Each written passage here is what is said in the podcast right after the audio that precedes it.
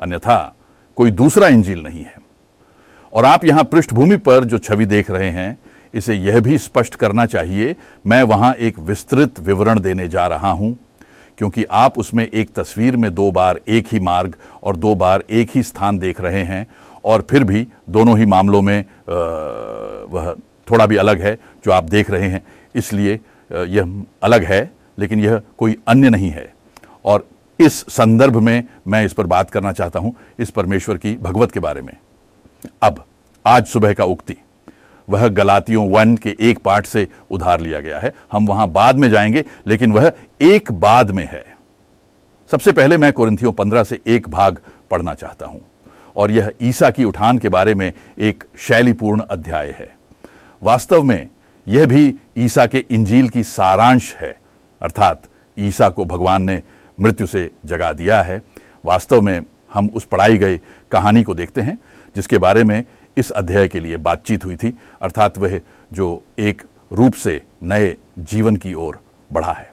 और सारे सृष्टि में आप उसे देखते हैं, लेकिन वास्तव में यह वह है जिस पर प्रेरित थी खुदाई की खोज, लेकिन वास्तव में यह बिना किसी अंतर्निहित के है, लेकिन यह और नहीं है। और इस संदर्भ में मैं इसे उत्साहित करना चाहता हूँ, लेकिन खुदाई सच्चाई का इस खुश संदेश ईसा के बारे में है कि ऐसा है। यह सच है यह पूर्ण रूप से पॉलस ने कोरिंथियों पंद्रह में साबित किया है। वह फिर कहता है, हे भाइयों, मैं तुम्हें यह सूचित करता हूँ कि जो सूचित करता हूँ, वह वही इंजील है जिसे मैंने तुम्हें सूचित किया। यह पाठ शास्त्र मूल टेक्स्ट से सीधे रूप से अनुवादित है। और जिसमें तुम भी खड़े हो रहे हो मुझे कहना है थोड़ा मज़बूत, क्योंकि इस अध्याय के अंत में, जो पूरी तरह से श्लोक 58 में है, उसमें वह कहता है, स्थिर रहो। दूसरे शब्दों में, वे थे तो लेकिन उन्हें अन्य दावों के द्वारा आसानी से यहाँ, वहाँ ले जाया जा रहा था, और तब आप स्थिर नहीं थे। इसलिए पॉलस बहुत यत्न कर रहा है कि वह स्थिर करे और कहे, ये वही है जिस पर बात हो रही है यह है परिणाम, और इसका सब कुछ क्या है? पॉलस चाहता है कि वे उसमें खड़े हों स्थिर हों और अथक हों। पॉलस कहता है, यह भी वह इंजील है जिसके माध्यम से तुम उद्धार होते हो।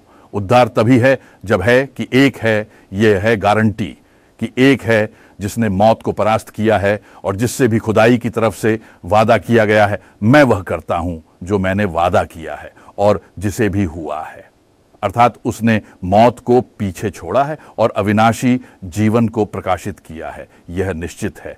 हर व्यक्ति के अपने अपने विभाग में पूरे मानवता के लिए। यह एक खुश खबर है। यह वास्तव में एक प्रश्न या एक कार्यक्रम नहीं है कि तुम्हें क्या करना चाहिए या एक दार्शनिक दृष्टिकोण। नहीं, ये एक ऐतिहासिक तथ्य है, एक सूचना, एक अच्छी सूचना, और इसमें तुम्हें कुछ करने की आवश्यकता नहीं है, इसका कोई भी संबंध नहीं है, इसका अद्भुत प्रभाव है। लेकिन मैं मतलब हूँ, तुम इस पर कुछ नहीं कर सकते या कुछ नहीं कर सकते।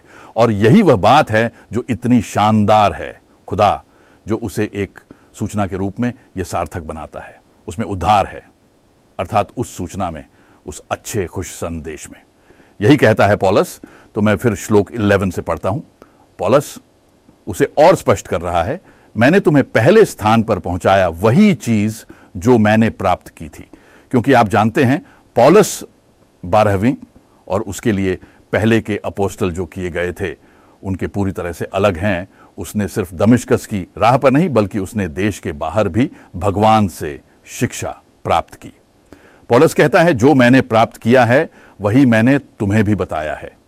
पॉलस विवेचना करता है कि उसने पहले क्या उन्हें सिखाया था।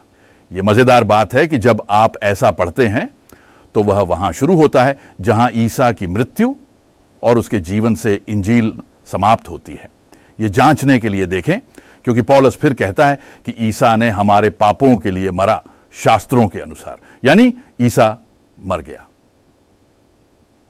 हाँ, कैसे? हमारे बेहदीली से हमें मुक्ति प्राप्त होने के लिए, क्योंकि पाप कुछ और नहीं है, बल्कि लक्ष्य की कमी है। हम इससे कैसे मुक्त हो सकते हैं? हर दिशा में, लेकिन सभी प्रकार में वह मर गया, दफन किया गया और जीवित हो गया। ईसा ने हमारे पापों के लिए मरा और यह शास्त्रों के अनुसार था। इसका मतलब है कि बाइबल में, जिसे हम पुराना आध्यात्मिक ग्रंथ कहते हैं, में यह पहले ही भविष्यवाणी और पूर्व से ही इसका उदाहरण दिया गया था। मैं यहाँ यह भी जोड़ना चाहता हूँ, जैसा कि एक तितली वह इलस्ट्रेट करती है पूरे ब्रह्मांड में वह ईश्वर का काम करने की बात कर रहा है। यह केवल भगवान की सृष्टि में ही नहीं दिखाया गया है, बल्कि यह पहले ही शास्त्रों में स्थापित किया गया था और भगवान ने उसे हज़ारों वर्षों के बाद सटीक समय पर पूरा किया। ईसा ने हमारे पापों के लिए मरा शास्त्रों के अनुसार।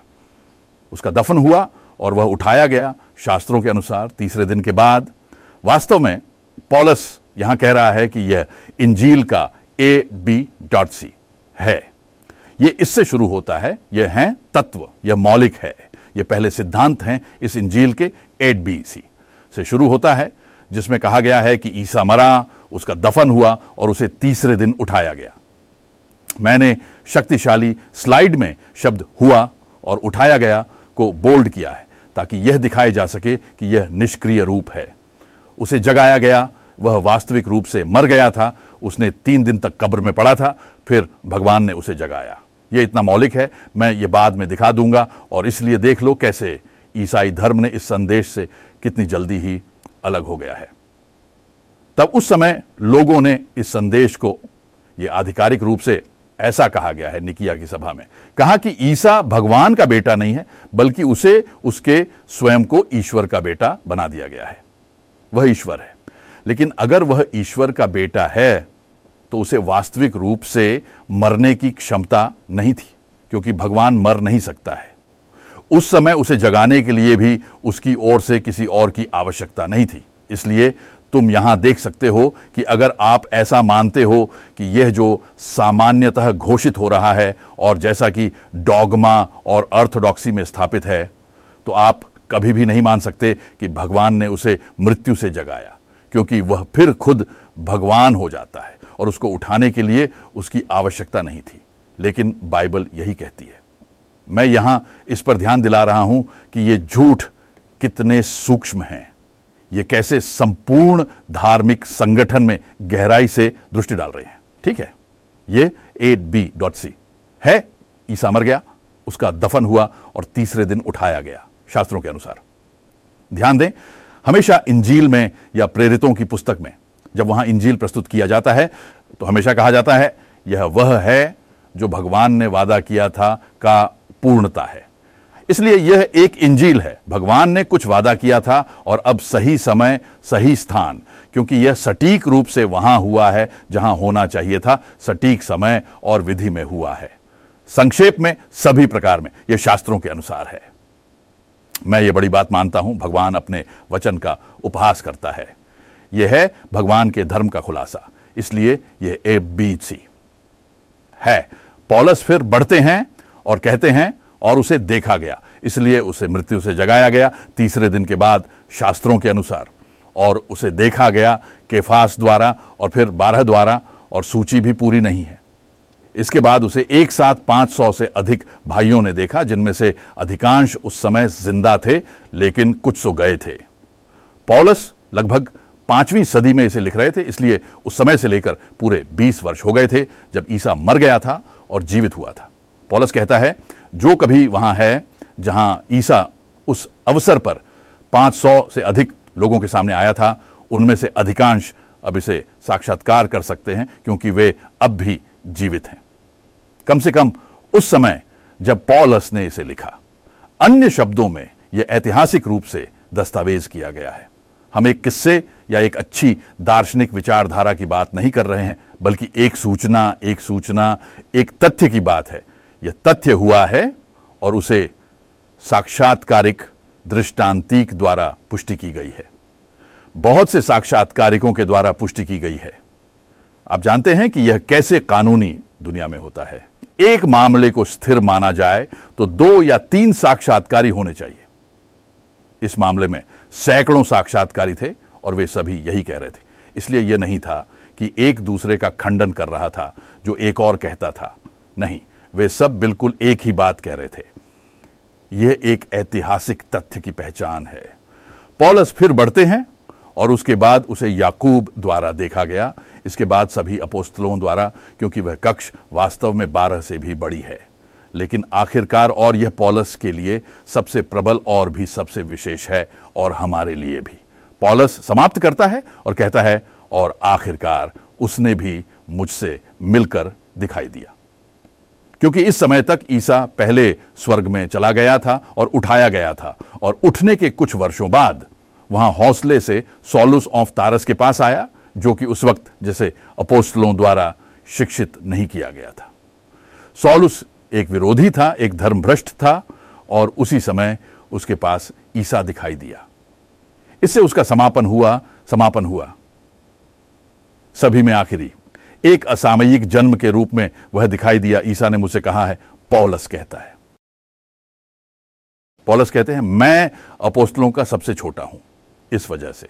मुझे एक अपोस्टल कहा जाना लायक नहीं है, क्योंकि मैंने भगवान की सभी कलिसिया की पीछा की थी। लेकिन कहते हैं, भगवान की कृपा के द्वारा मैं वह हूँ जो मैं हूँ। मैंने इसे नहीं ढूंढा, उल्टी गिनती में भी, लेकिन मुझे जकड़ा गया है और यह भगवान की कृपा है जो मेरे सामने आई है। यह वास्तविकता में उसकी पूरी कहानी है, अर्थात भगवान की कृपा जो सब कुछ से ऊपर है, जो मानव से कुछ भी अपेक्षित नहीं करती है और जिसे वह बाहर कर सकती थी। पॉलस को बाहर देश, राष्ट्रों के बाहर भी बुलाया गया था। लेकिन भगवान की कृपा के द्वारा मैं वह हूँ जो मैं हूँ, और उसकी कृपा मेरे साथ व्यर्थ नहीं गई है। मैंने उन सभी से ज़्यादा मेहनत की है। लेकिन उसने जल्दी ही यह कहने की जल्दी कहता है, लेकिन नहीं मैं, बल्कि मेरे साथ भगवान की कृपा है जो मेरे साथ है। पॉलस को जकड़ा गया है, और भगवान की कृपा ने उसके साथ किया है। पॉलस वहाँ इस तरह से नहीं खड़ा है कि यह मेरे साथ हुआ है।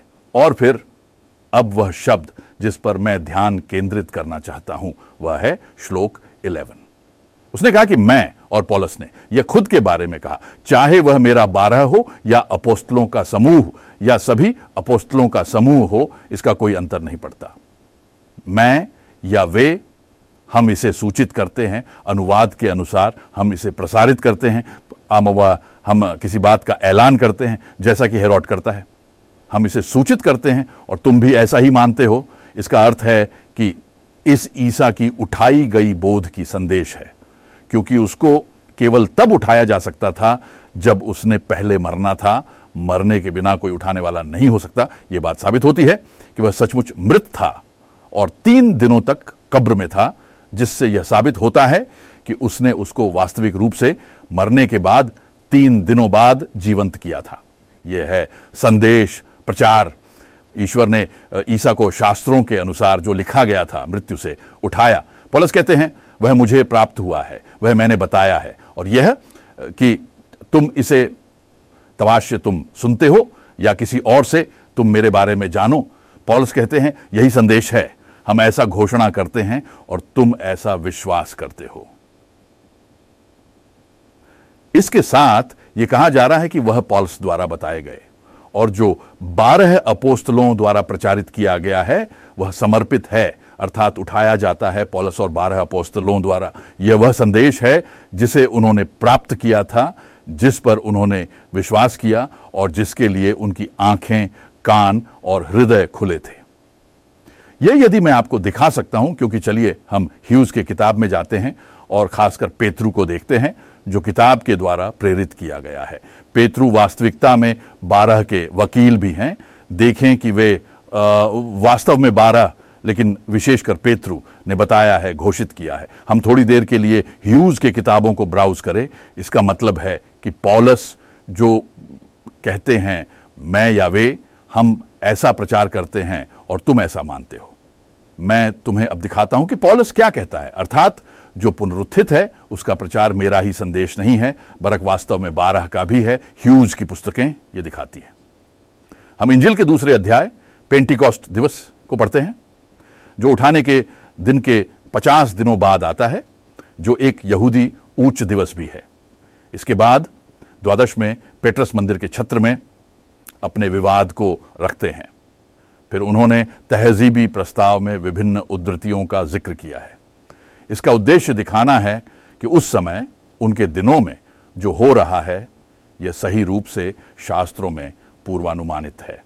फिर उन्होंने कहा, और तुमने यीशु को क्रूस पर छदाया है, तुमने उसे मार डाला है, और यह यीशु वह है जिसने हम सभी गवाह हैं कि उसने भगवान को जीवित किया। इस गवाही को आपको बहुत न्यायिक दृष्टिकोण से देखना चाहिए, यह किसी है जिसने किसी चीज़ को अपनी आँखों से देखा है।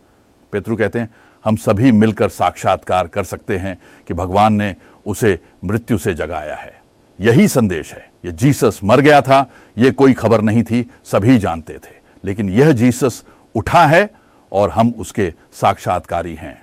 हैंडलिंग्स थ्री यहाँ पीटर फिर से बोल रहे हैं। ये उस आदमी के चमत्कारी उपचार के संदर्भ में है, जो 40 वर्ष से पैरालीक था और साफ़ दरवाजे के पास बैठा था। इस आदमी ने कभी चला नहीं था। उसने ऊपर की ओर देखा और फिर वह उछला और मंदिर में चला गया।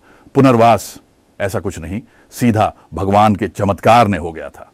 पीटर स्पष्ट करते हैं कि यह किस्सा प्रतिकृतिक है। वह कहता है, जो इस आदमी के साथ हुआ, वह तुम्हारे साथ भी हो सकता है। वह इसे इसराइल के लोगों को कहता है। भगवान ने उसे अपने दास को तुम्हारे लिए उठाया है। और तुम्हें आशीर्वादित करने के लिए तुम्हारे पास भेजा है इसराइल के लिए। इसके साथ ही यह भी कहा जाना चाहिए कि बारह का गिनती इसराइल के लिए है। यह इसराइल के बारह जातियों से संबंधित है। बारह क्या साक्षात्कार करते हैं कि भगवान ने यीशु को मरे हुए से उठा दिया है? और यह किसके लिए किया है सबसे पहले? इसराइल के लिए। पहले के छंदों में पेत्र कहते हैं, यदि आप अब विश्वास करते हैं, इस मसीह में जिसे भगवान ने मृत्यु के बाद से जगा दिया है। तब मसीह आकाश से लौटेगा और सभी पूर्व वचनों के शब्दों को पूरा करेगा और सब कुछ सुधारेगा। यह दुनिया में शांति का युग शुरू होगा। संक्षेप में, आप अब विश्वास करते हैं और फिर मसीहा वापस आएगा और फिर वही वह इसराइल के माध्यम से पृथ्वी पर शांति का युग लाएगा। पहले इस मसीह को इसराइल के लिए भेजा गया है, इसराइल को आशीर्वादित करने के लिए भेजा गया है। बाद में हमें पता चलता है कि ऐसा नहीं हुआ। इसराइल ने पुनः उस साक्षात्कार को अस्वीकार किया। इस साक्षात्कार को सनहेद्रिन द्वारा स्टीफनस की पत्थरी में आधिकारिक रूप से अस्वीकार किया गया है। मैं हैंडलिंग्स फोर में आगे पढ़ रहा हूँ।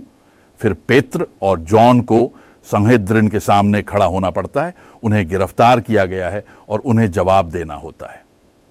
तब पेत्र कहता है तो आप सभी और पूरे इसराइल के लोगों को यह झात होना चाहिए कि यीशु नजरेन के, जिन्होंने तुम्हें क्रूस पर चढ़ा दिया था, लेकिन जिन्होंने भगवान ने मृत्यु के बाद जगा दिया था, इस नाम के माध्यम से इस आदमी को ठीक खड़ा कर दिया है।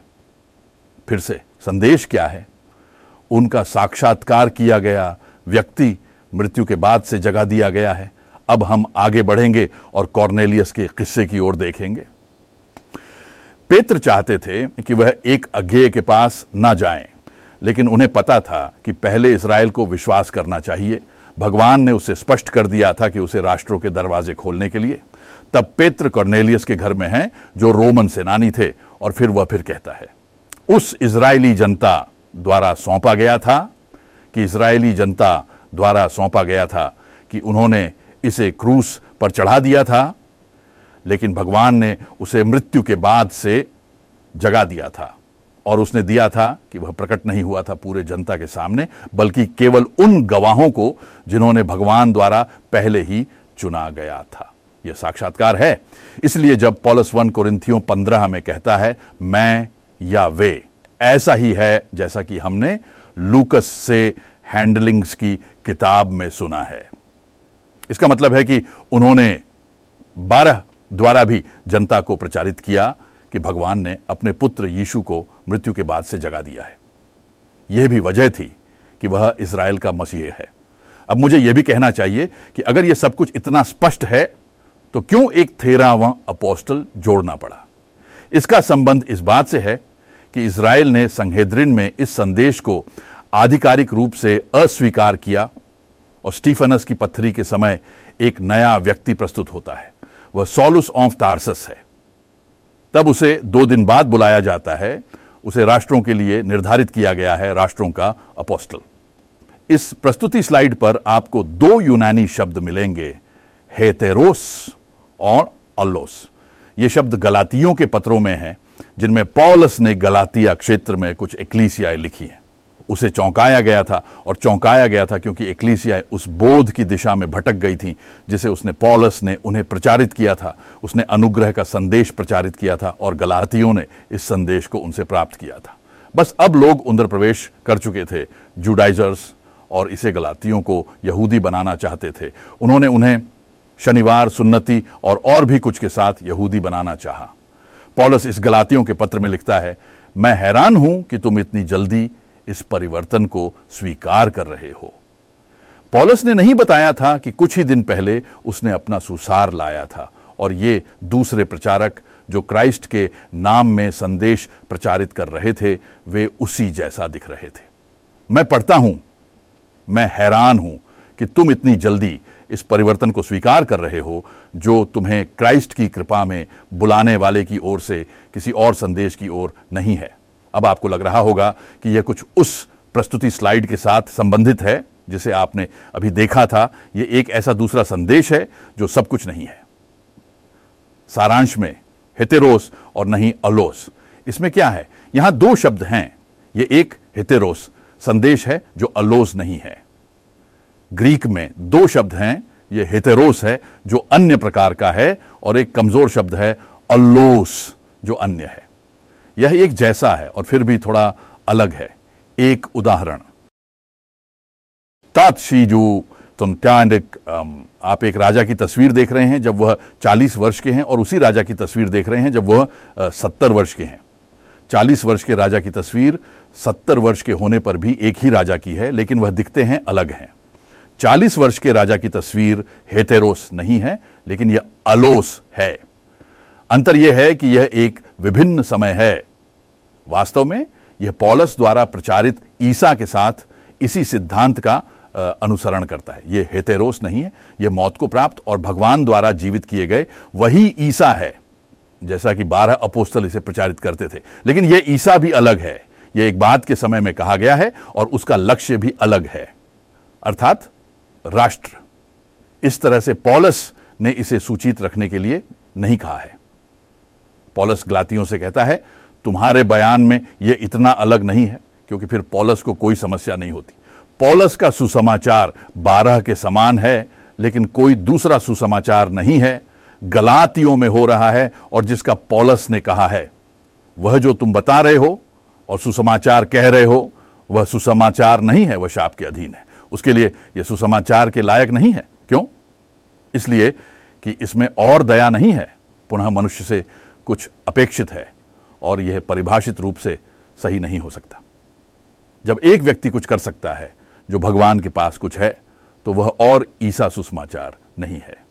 वास्तव में, यह और भी खतरनाक हो जाता है जब मानव से कम मांगा जाता है, क्योंकि फिर आप लगभग अंतर को महसूस नहीं करते हैं। क्या आप मुझे समझा रहे हैं? है ऐसी धर्म है जो मानव से बहुत कुछ माँगता है। तुम्हें यह करना चाहिए, तुम्हें वह करना चाहिए तब मानव पर एक भारी बोझ डाला जाता है, जिसे मानव को पूरा करना होता है। फिर है धर्म, जो वास्तव में मानव को बहुत आसान बनाता है। तुम्हें सिर्फ़, या यह मुफ़्त है, तुम्हें केवल एक सेंट देना है, यह मुफ़्त है। लेकिन तब यह खतरनाक हो जाता है, क्योंकि तब यह मुफ़्त लगता है। यही वह बात है, जिससे लोग आपको धोखा देने की कोशिश करते हैं, जैसे विज्ञापनों में किया जाता है। लेकिन फिर पता चलता है अगर आप छोटे अक्षर पढ़ते हैं तो यह मुफ़्त नहीं है और उससे संबंधित विभिन्न परिणाम हैं। आप आसानी से इसमें फंस सकते हैं। मैं भी इसके बारे में सब कुछ जानता हूँ। यह बहुत सूक्ष्म है और यह भी क्रिश्चियनिटी की समस्या है। यह मेरे लिए इतना प्यारा नहीं है, लेकिन मैं ये बहुत जानबूझकर कह रहा हूँ। क्रिश्चियनिटी में मानव से इतनी अधिक मांग नहीं की जाती। आपको केवल रविवार को चर्च जाने की आवश्यकता है। आपको केवल यीशु का चयन करना है। हालाँकि वास्तविक संदेश है, काम पूरा हो गया है। यह है संदेश। भगवान ने यीशु मसीह को मृत्यु से जगाया है और यह है गारंटी। चाहे आप विश्वास करें या ना करें, यह ही सुसमाचार है। इसमें उदाहरण है। गलातियों में जो अफसोस हुआ, उसका कारण यह था कि कहा गया, तुम सिर्फ़ तब धर्मी जीवन जी सकते हो जब तुम खुदाई लोगों की रीतियों और परंपराओं को भी मानते हो। तुम्हें सुनाते इसका यह मतलब है कि धर्मी बनने के लिए एक शर्त है। बस यही नहीं, कहा जाता है कि सिर्फ़ विश्वास करना अब और पर्याप्त नहीं है, ऐसा कहते हैं। गलातियों के अनुसार, अब्राहम की तरह नहीं रह गया था, जैसा कि हम रोमियो के पत्र में पढ़ सकते हैं कि अब्राहम ने भगवान में विश्वास किया और उसे न्याय में गिना गया। नहीं कहा गया है। तुम्हें धर्मी बनने के लिए इसे करना होगा और वह करना होगा। गलातियों में जो कुछ कहा गया और जिस पर पॉलस ने गलातियों के पत्र में, अध्याय तीन, श्लोक वन में कहा है, तुम्हें कौन सा जादू कर दिया है और यह कैसे हो सकता है कि तुम उसमें चले गए हो? क्या तुम्हें इसका एहसास नहीं है? वह पत्र में पूछता है कि तुम्हें कहाँ है खुशी? तुम कभी इतने खुश थे और उससे क्या हुआ है? यह हमेशा समस्या है जब कुछ मानव से मांगा जाता है। तब तक मांस शक्तिशाली हो जाता है, पॉलस कहते हैं। तुम्हारा कहना एक और सुसमाचार है और सिर्फ़ भिन्न नहीं है। अब मैं एक और बिंदु पर आता हूँ तो मैं एक अध्याय आगे बढ़ता हूँ और मैं गलातियों के दूसरे अध्याय में पहुँचता हूँ। वहाँ पॉलस ने एक मुलाकात का वर्णन किया है, जिसे उन्होंने यरूशलम में बारह शिष्यों के साथ की थी, जिनमें तीन के नाम उल्लेख हैं, जैकब, पेत्र और यूहन्ना। उसी क्रम में हमारे पास नए नियम के पत्र भी हैं। ये तीनों लोग पॉलस को सामुदायिक साझेदारी का दायित्व देते हैं। उन्हें पॉलस की बातों में कठिनाई हुई थी।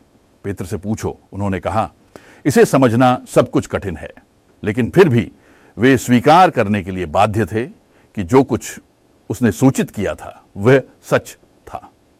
उन्होंने उसे सामुदायिक साझेदारी का दायित्व दिया और जब वह वहाँ यरूशलेम में है हैंडलिंग्स मेमोरी में उस मुलाकात का वर्णन है तो वहाँ यह लिखा है, जब उन्होंने ध्यान से देखा, वे यहूदी सूचित करने वाले अधिकारी जरूरतमंद हैं। फिर कहा गया कि मेरे पर लौटाया गया लौटाया गया है, ये क्या सटीक एक अच्छा सूची है? यह एक ऐसा सूची है जिसमें सुन्नत का कोई स्थान नहीं है। वह सुन्नत एक थोड़ी टेक्निकल शब्द है, लेकिन इसका अर्थ सिर्फ़ यह है, तुम खतना हो सकते हो या नहीं हो सकते। तुम्हारी या तुम्हारी नहीं हो सकती है। यह अवश्य एक रीति का नाम नहीं है, बल्कि एक जनजाति का नाम है। वास्तव में सुन्नत यहूदा, यह जनजाति है, जिसके पास सुन्नत है और जिसके साथ जुड़े हुए सभी विशेषाधिकार। का नोनो, पॉलिस का सुसमाचार उसके से अलग है। उसने सुन्नत के विशेषाधिकारों का इनकार नहीं किया है, लेकिन उसके सुसमाचार में सुन्नत का कोई स्थान नहीं है। इसीलिए उसने इसे यहूदा का सुसमाचार कहा है। दुर्भाग्य से इसे मॉडर्न बाइबल अनुवादों में गलत रूप से प्रस्तुत किया जाता है। यहाँ लिखा जाता है कि यहूदा के लिए सुसमाचार यहाँ कहा जाता है, या अनबेसेंटेड के लिए। हालाँकि इसमें इतना अधिक चर्चा नहीं है। यह कहता है कि वह कुछ बताता है या उस बात की आत्मा का हिस्सा है जो कहा जा रहा है। जब वे ने मुझ पर देखा कि मेरे पर यहूदी सुसमाचार सौंपा गया है, जिसमें सुन्नत का कोई स्थान नहीं है, जैसा कि पित्र को सुन्नत का ऐसा कुछ मेरा मतलब है। पॉलस, जैसा कि उन्होंने बताया, वह पित्र और बारह अन्य अपोस्तलों के संबंध में विभिन्न था, क्योंकि पॉलस को सुन्नत का सुसमाचार सौंपा गया था, जबकि पेत्र को सुन्नत का सौंपा गया था। यह अलग है, कोई और सुसमाचार नहीं, क्योंकि पेत्र ने जीवंत क्राइस्ट की प्रचार किया। केवल दृष्टिकोण था विभिन्न। कंप्यूटर शब्दों में कहा जा सकता है, उसने वास्तव में एक अपडेट किया था। मेरा मतलब है यह सालों बात था, स्थिति बदल गई थी। इसराइल ने आधिकारिक रूप से सुसमाचार को अस्वीकार किया था। स्थिति बदल गई थी, सुसमाचार अब नातियों के पास जा रहा था। स्थिति बदल गई थी, समय बदल गया था, यह था अलग था, लेकिन जीवंत क्राइस्ट का संदेश एक ही रहा। पॉलस को भी उन बारह अपोस्तलों की तरह उठाया नहीं गया था। उन्होंने यहाँ पृथ्वी पर प्रशिक्षण प्राप्त किया था भी उन चालीस दिनों के दौरान, जब उन्होंने यहाँ पृथ्वी पर जीवंत प्रभु से मुलाकात की थी। पॉलस नहीं। पॉलस को आकाश से बुलाया गया था। क्या आप समझ रहे हैं? यह एक अलग स्थिति है। यह पृथ्वी के बाहर हुआ, इसराइल के बाहर नाथियों के बीच। वह अलग है। देख रहे हैं ना? नहीं, कोई और सुसमाचार, क्योंकि फिर जो सुसमाचार पेत्र ने प्रचारित किया, उसमें सुन्नत एक प्रमुख भूमिका निभाती है। यह इसराइल के लिए एक संदेश है कि वे विश्वास करेंगे, तब मसीह वापस आएगा और फिर इसराइल के माध्यम से जगह जगह उपयोग होगा और राज्य स्थापित होगा। यह सुन्नत का सुसमाचार है। वह सुसमाचार सच है। बहुत जल्दी जब भगवान की यह कार्यशैली एक्लेसिया के साथ समाप्त होगी और हम आकाश में प्रभु के पास जाएँगे तो भगवान इज़राइल के साथ फिर से धागा लेगा। तब जरूसलम में फिर से दो साक्षी होंगे, ऐसा होगा। फिर पेत्र के इस सुसमाचार को फिर से लागू किया जाएगा। तब वह पेत्र के नए नियम में जो पत्रिकाएँ हैं, जॉन और जेकबस, वे फिर से प्रासंगिक हो जाएँगे। लेकिन अब हम इंटरवल में जी रहे हैं। ब्रेक के दौरान जब सुसमाचार कुछ समय के लिए ठहर गया है, वह समय है जब पॉलस सुसमाचार प्रचारित करता है। मुझे आशा है कि आप समझ रहे हैं कि यह अलग है और इस अध्ययन में किस पर ध्यान केंद्रित है यह बेसिक रूप से एक ही सुसमाचार है जो अनुरूप है। वह आधार में एक जैसा है। अल्फ़ाबेट, तत्व एक हैं। बेसिन डेनिस के सुसमाचार में संदेश है, भगवान ने इसराइल को बुलाया, बेसिन डेनिस को। जबकि वॉरहुड के सुसमाचार में भगवान ने एक पैगन जनता को बुलाया।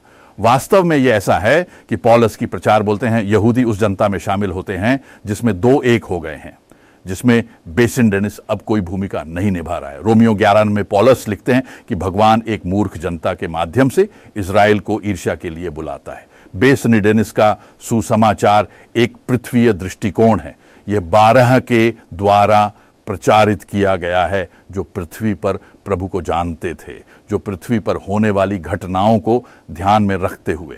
जेरूसलेम और जनों के साथ यह एक पृथ्वीय दृष्टिकोण है। वहाँ वोरहूड के सुसमाचार में एक आकाशीय दृष्टिकोण है। पॉलस को आकाश से बुलाया गया था और इसके अलावा जो जनता आज घोषित हो रही है, उसका एक आकाशीय लक्ष्य है। इफेसियों के पत्र में भी देखें। यही अंतर है। क्या ये इंजील एक दूसरे से टकराते हैं?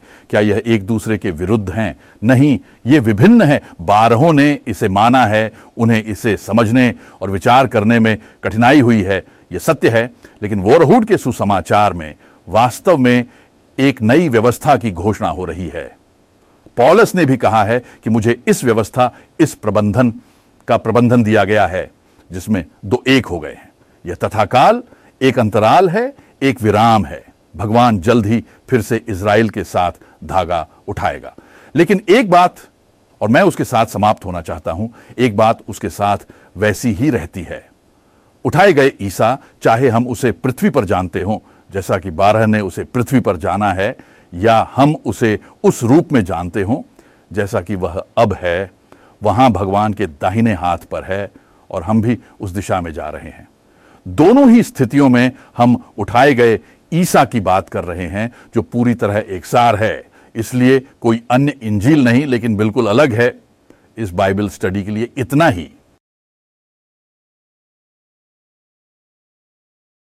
तुमने सुनने के लिए धन्यवाद।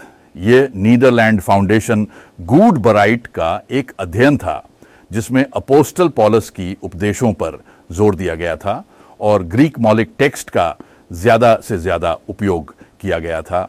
एक सामान्य बाइबल अनुवाद की बजाय। क्या आप पॉलस के इंजील के बारे में और जानना चाहेंगे? यह डब्ल्यू डू डब्ल्यू गोडबेरिक्ट डेनल लालू के माध्यम से किया जा सकता है। क्रोम या फायरफॉक्स ब्राउज़र के माध्यम से एक भाषा एड ऑन के साथ नीदरलैंड्स वेबसाइट को स्वच्छ रूप से आपकी पसंद की भाषा में अनुवादित किया जा सकता है। यह बाइबल अध्ययन पहले नीदरलैंडी भाषा में प्रस्तुत किया गया था और एआई के माध्यम से तुम्हारी भाषा में अनुवादित किया गया है।